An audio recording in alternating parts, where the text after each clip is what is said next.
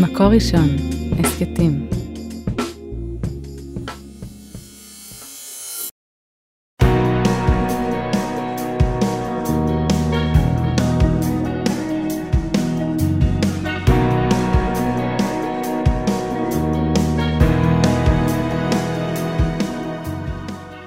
שלום הרבנית חמוטל שובל. שלום הרבנית שירה מרילי מירבס, פרשת אחרי מות. כן, אז אנחנו כאילו אוטומטית ממשיכות את הפרשה של שבוע שעבר, זה בעצם הפרשה של פוסט-טראומה. אנחנו לא פותחים משהו חדש, אנחנו עדיין אחרי המוות של הבנים של אהרון הכהן, ובאמת על שם זה נקראת הפרשה, אבל הפרשה בפנים אה, עוסקת בעבודת הכהן ביום הכיפורים. היא מדברת על יום כיפור בבית המקדש ועל הכניסה של הכהן הגדול לקודש הקודשים, על האיסור של אה, שחוטי חוץ, האיסור שאסור להקריב אה, קורבנות מחוץ לבית המקדש, על המצווה של כיסוי אדם, ובסוף בסוף איסורים של גילוי עריות. אז לפני שאנחנו צוללות פנימה לכל הנושאים הבאמת מאוד מעניינים האלה, רציתי לספר לך שלפני כמה חודשים התקשרה אליי תלמידה שלי ממדרשת לינדנבאום. היא למדה אצלי במדרשה, ועכשיו היא בצבא, היא בחיל האוויר, והיא התקשרה לילה אחד מאוחר ושאלה אם היא יכולה לשאול שאלה, אמרתי בטח, ואז היא פרצה בבכי. אמרתי לה, מה קרה? אז היא אמרה לי, לא ידעתי שזה יהיה כל כך קשה. והיא התחילה לדבר ולספר איך שתמיד בתיכון אמרו לה, תחשבו אה, אם לבחור שירות לאומי או צבא, והיא הייתה בטוחה שהיא רוצה צבא, והיא הלכה למדרשה, ועשתה הכל לפי הספר, והיא אמרה לי, אבל נורא נורא קשה לי כאן. קשה לי עם הכשרות, וקשה לי עם השבת, וקשה לי עם הצוות, וכל המעטפת נורא נורא קשה לה. ודיברנו על העניין הזה שהרבה פעמים בחיים אנחנו חושבות שאנחנו עושות בחירות, מעולה, עשיתי וי, בחרתי, הכל יהיה בסדר מעכשיו, ושיש אה, מצבים מורכבים בחיים שאנחנו ממשיכות לבחור כל הזמן. אמרתי לה, זה נכון שאת החלטת ללכת לצבא והיית בטוחה שיהיה בסדר, אבל כשאנחנו בוחרות בחירות, הרבה פעמים אנחנו צריכות להמשיך אה, לעבוד על זה, כמו שאומרים. ואמרתי לה, את צריכה להמשיך לבחור, אה, לעבוד קשה, כדי להיות דתייה ולשמור על מה שחשוב לך בתוך המסגרת הזאת, שלא עושה לך חיים קלים. ואני חושבת שזה שקשה, זה לא אומר שהבחירה לא נכונה. זאת אומרת, זה לא בהכרח מעיד על הבחירה שהיא לא טובה. הבחירה הייתה יכול להיות מאוד טובה לה ומאוד נכונה לה ו... ו- ואמיתית מבחינתה, מבחינת מה שהיא יכלה לתת ורצתה לתת ואיפה היא ראתה שהיא יכולה לעשות למען עם ישראל. וזה שקשה לה לא אומר שזו בחירה לא טובה, זה אומר שזה דורש ממנה התמודדות, וכמו שאת אומרת, בחירה מחודשת בכל יום. אבל זה לא אומר שזו בחירה לא טובה, ו- ופה הקושי. כי בדרך כלל אם קשה לנו, אז אנחנו אומרים, אז אולי זה טעות. כן. אבל זה לא בהכרח טעות. זה יכול להיות בחירה נכונה, ועדיין יש איתה קושי. ואמרתי לה, אה, אני חושבת שהרבה פעמים כשאנחנו בוחרות אה, במשהו טוב, כמו שאת אומרת, הוא לא קל. נכון. ועודדתי אותה ודיברנו על איך אפשר אה, כן להתמודד עם כל ההתמודדויות. ואמרתי לה, זה, אני, אני לא אשקר לך ואגיד לך שזה, וואו, בחרת נכון ועכשיו הכל קל ומקסים. אין לי נוסחת קסם שתעזור לך, אלא שכל בוקר תבחרי מחדש לעשות את הדברים הטובים. ואמרתי לה, וגם אם נופלים, קמים. אז בואי מפה נשלח עידוד חזק לכל התלמידות שלנו מלינדנבאום, אה, בין אם בחרו צבא ובין אם הם בחרו שירות לאומי, יש התמודדויות בכל מקום. כן. אה, ואנחנו רוצות לחזק אותם. אה, אז גם בפרשה שלנו, יש, היא נפתחת בעבודת הכהן הגדול ביום כיפור, וזה נפתח בתיאור של השעיר המשתלח. זאת אומרת, של הכהן שעומדים לפניו שני שעירים שהם נראים אותו דבר, שהם באותו גובה, באותו גודל, באותו צבע. ו... ואז ו... יש הגרלה. ואז יש פור, כן, יש כן. איזושהי הגרלה שם, ואחד מהם זוכה להיכנס לבית המקדש ו... ולהיות קורבן, ואחד מהם... נזרק מצוק. כן, יש לו סוף, אה, סוף קשוח. כן. ו...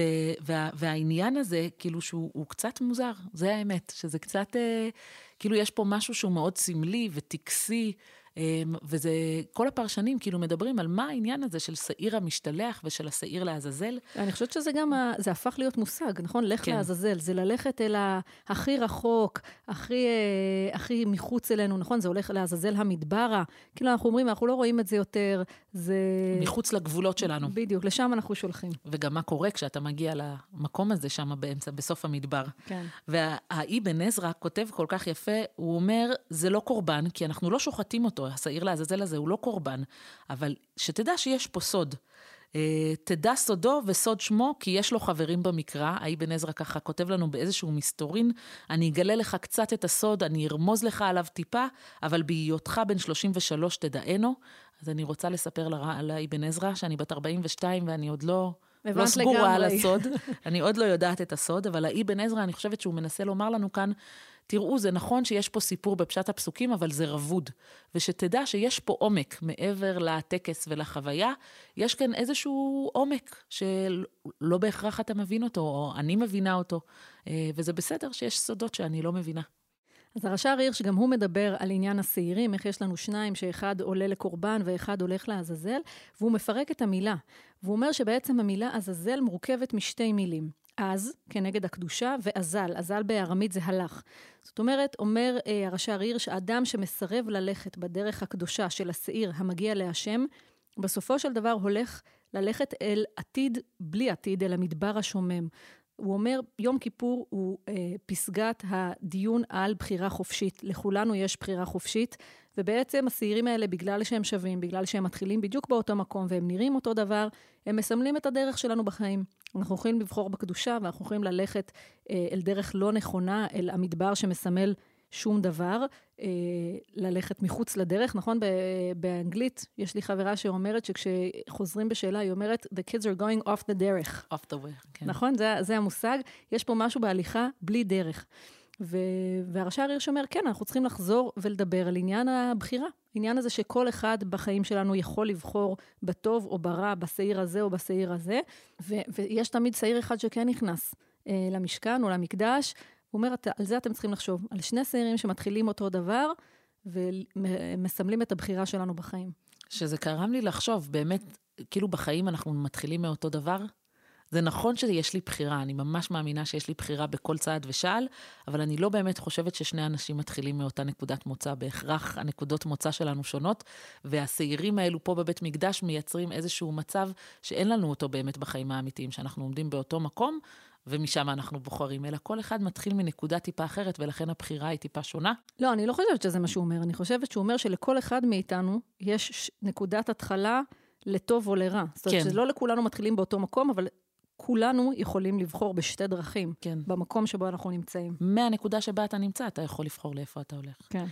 הרב קוק, בשמונה קבצים, אמ, הוא אומר משהו שהוא קצת מורכב, אבל אני חושבת שהוא כל כך דיבר אל ליבי, כי היה פה משהו שממש אה, פתאום אה, העיר לי בפנים. הוא אומר שביום כיפור יש כאילו מוגברת בעולם מידת הסליחה, מידת הרחמים, נכון? זה כל העניין של יום כיפור, שמידת הסליחה והחסד בעולם הן מאוד מאוד נוכחות. ובגלל, דווקא בגלל, כאילו בהפוך על הפוך, דווקא בגלל שמידת החסד והסליחה נמצאים בעולם, זה גורם לזה שגם כאילו יש מקום לכוחות הרוע בעולם, דווקא ביום הזה, למידת הדין ולמידת האמת. אה, והוא אומר, כל השנה אנחנו נלחמים בעבודה זרה. אנחנו מוציאים את זה, אנחנו אומרים, זה לא חלק מאיתנו, זה אי שם, ואנחנו... הוא אומר, העזאזל הזה, הוא מסמל את העבודה זרה של עשיו, וכל השנה אנחנו נלחמים בו. ודווקא ביום כיפור, אנחנו מנכיחים אותו. אנחנו הולכים לעזאזל הזה, אנחנו כאילו הולכים למקומות שבדרך כלל אנחנו נלחמים בהם. והוא אומר, נטיות הרוע, החורבן, הרשעה, השיקוע, השפל, גם להם יש דרישה. זאת אומרת, הם, הם קיימים בעולם. זה נכון שכל השנה אנחנו נלחמים בהם, אבל דווקא ביום הזה אנחנו עושים להם מקום. אה, ובכללות הכל מצטרף. ועם זה, בידול הוא הרע מן הטוב, השקר מהאמת, השפלות מהרוממות. זאת אומרת, להסתכל על הרע בעיניים. להסתכל על הרע בעיניים, לתת לו מקום, ולדעת להבחין אותו בין הטוב לבין הרע. כאילו, יש לנו פה שתי עבודות. מצד אחד להגיד, זה קיים בעולם, אני לא יכולה... זה נכון שבמשך כל השנה אני נלחמת בו, אבל דווקא ביום כיפור אני אומרת, כן, אנחנו הולכים גם לעזאזל, אנחנו הולכים גם למקומות שמהם אנחנו בדרך כלל נלחמים בהם, ואנחנו מנכיחים אותם, ואנחנו אומרים, עם זה שאני מנכיחה אותם, אני אומרת, אני יודעת שזה לא טוב, אני יודעת ששם זה הרע, אני יודעת שזה מקום שאני לא רוצה ללכת אליו בדרך כלל. אז יש לי פה את ההבדלה הזאת מצד אחד, ומצד שני את ההנכחה שלה. רציתי לספר לך על חברה שלי שגרה בקיבוץ דתי, ואחד אה, מהיתרונות שגרים בקיבוץ דתי זה שיש גן כל השנה. וואו, חלום. נכון, ובקיץ הייתה גננת אה, מחליפה, בכל זאת נותנים לגננות אה, לנוח, והבת של חברה שלי חזרה בבכי היסטרי יום אחד מהגן בקיץ, ולא היה אפשר להרגיע אותה, ילדה בת חמש. ואחרי המון זמן, הם אמרו לה, מה קרה בגן? אז היא אמרה להם, הגננת הזאת, שהיא לא גננת של כל השנה, היא מאוד השקיעה, כי היא גננת הקייטנה. הם בנו במשך אה, שבועיים את בית המקדש, ואז אז? היא שרפה להם אותו. אוי ואבוי. כי היא אמרה, זה אב, תשעה באב, אנחנו צריכים להתכונן. אוי ואבוי. היא שרפה להם את, ממש עם גפרורים, והם בנו, כל הילדים של הגן, והם צבעו אותו בזהב, והיה שם ממש התרגשות, והם ממש לא היו מוכנים נפשית לזה שהגננת לוקחת גפרורים, ושורפת להם את בית המקדש שלהם מקרטונים. הילדה, זה היה באמת טראומה בגן, זה היה שם סיפור, לא משנה. הילדה בכתה, ואז הגננת אמרה, יופי, אתם מבינים את החורבן ואת האבל, זה היה באמת אירוע חינוכי וואו. מאוד מאוד מאוד... זה אה, להיכנס לזה קצת יותר מדי למתודה. כן. וואו. ו- והיה בזה, אני, אני לא מצדיקה, אני חושבת שזה באמת היה קשה מדי לילדים בני חמש, אבל היה בזה משהו מאוד מאוד, הבהיר להם את הדבר הזה, הם באמת חוו עצב על החורבן. כן, הילדים הבינו את ההקשר לחורבן לתשעה באב? אני יודעת, הבינו מה שהם מבינים בגיל חמש, אבל היא ממש שרפה להם אותו. אוי ואבוי. ונזכרתי בסיפור הזה על הקיבוץ הדתי, כי הרמב"ם במורה נבוכים אומר משהו אחר. הוא אומר, כל הפעולות שעושים בשעיר המשתלח בעצם נועדו להביא את האדם לתשובה בגלל שאנחנו מסתכלים על זה, זה מפעיל אותנו, כל הדבר הזה.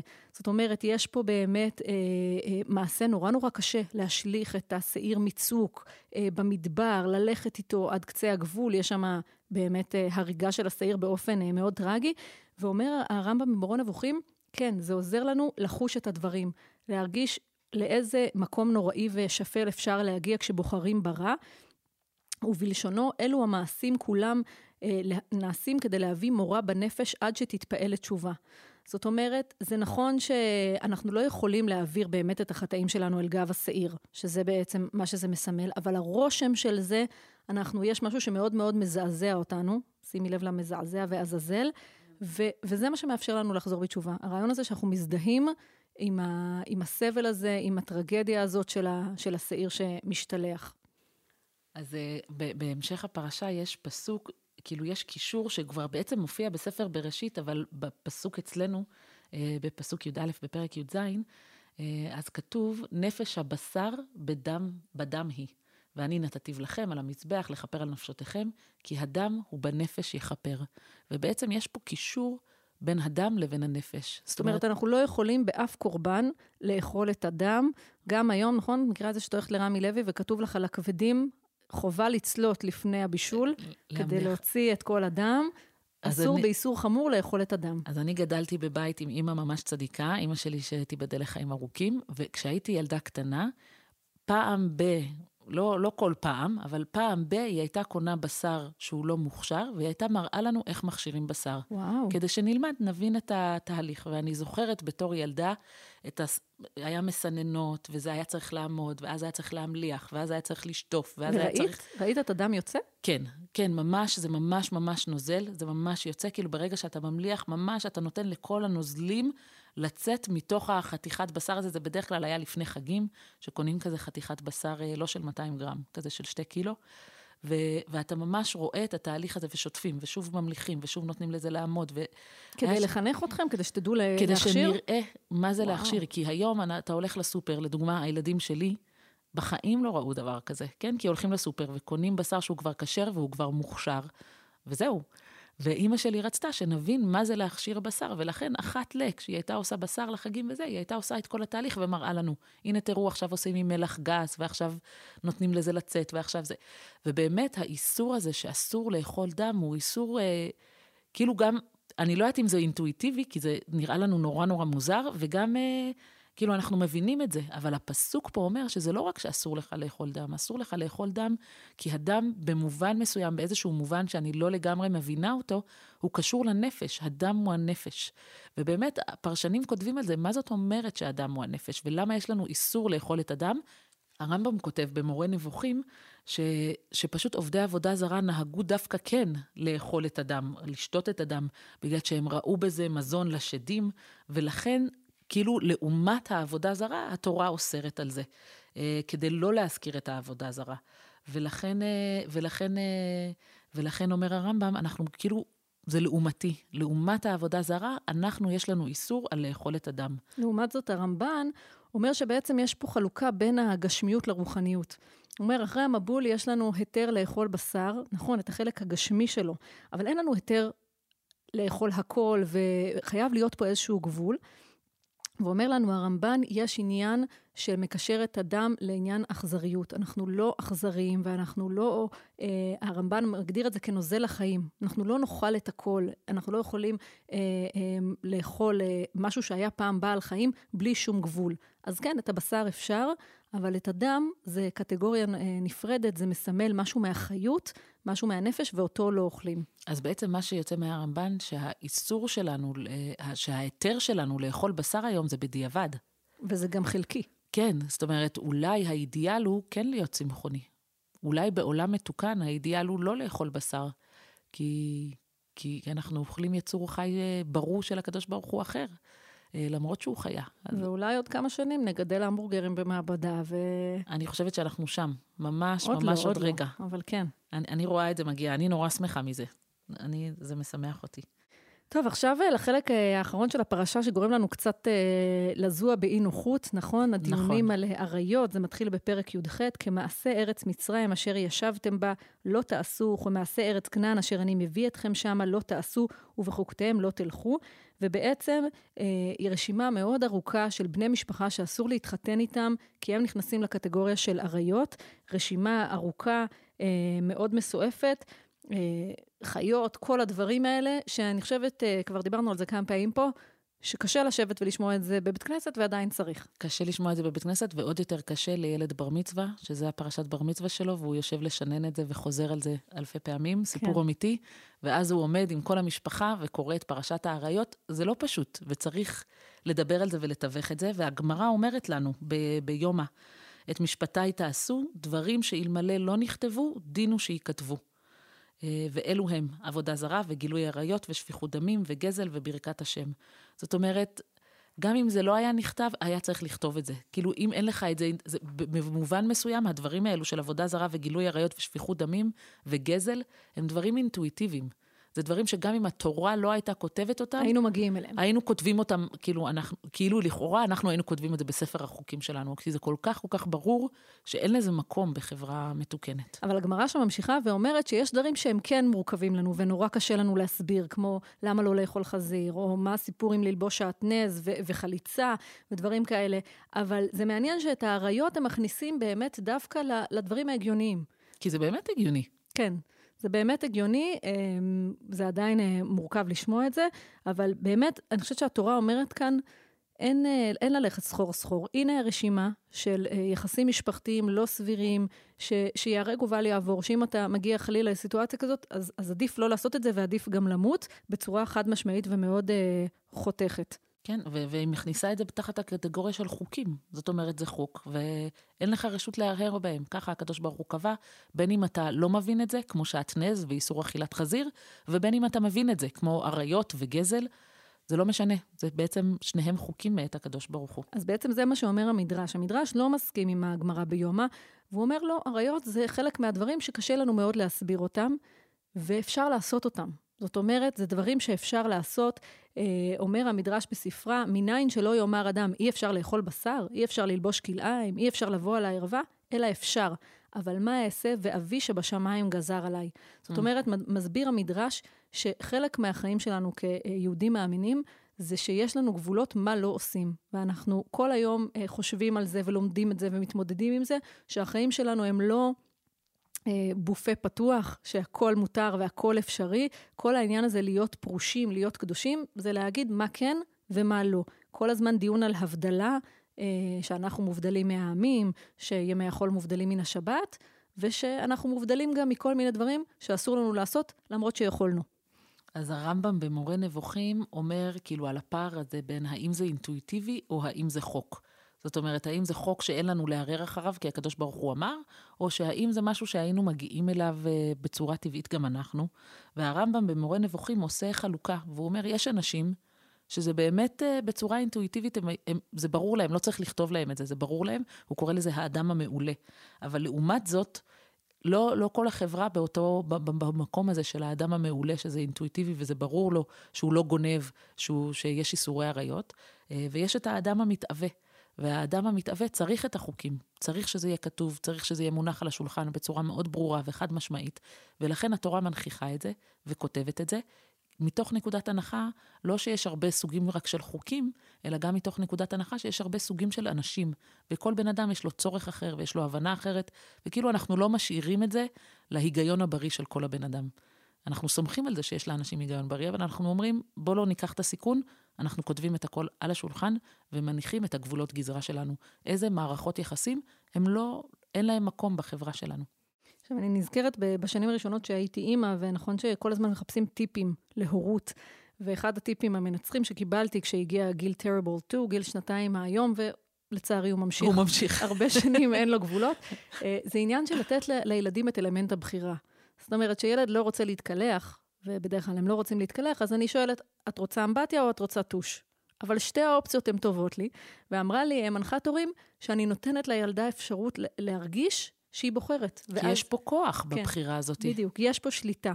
ו- ואני חושבת שמה שעולה הכי חזק מן הפרשה הזאת, זה שזה נכון שיש לנו חוקים שהם חוקים שמוגדרים ו- והם חד משמעיים, אבל כל הזמן מהדהדים לנו השעירים.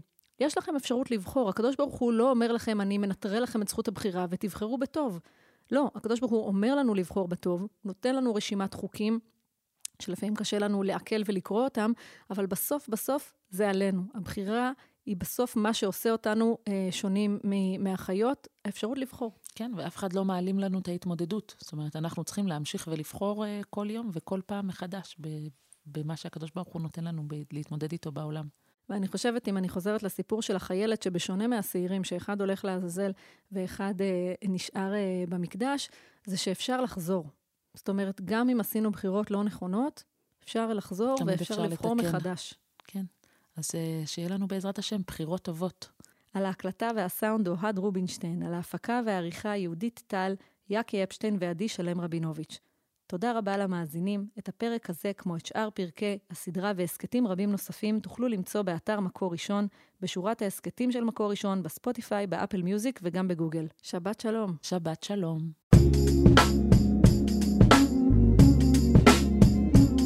מקור ראשון, הסכתים.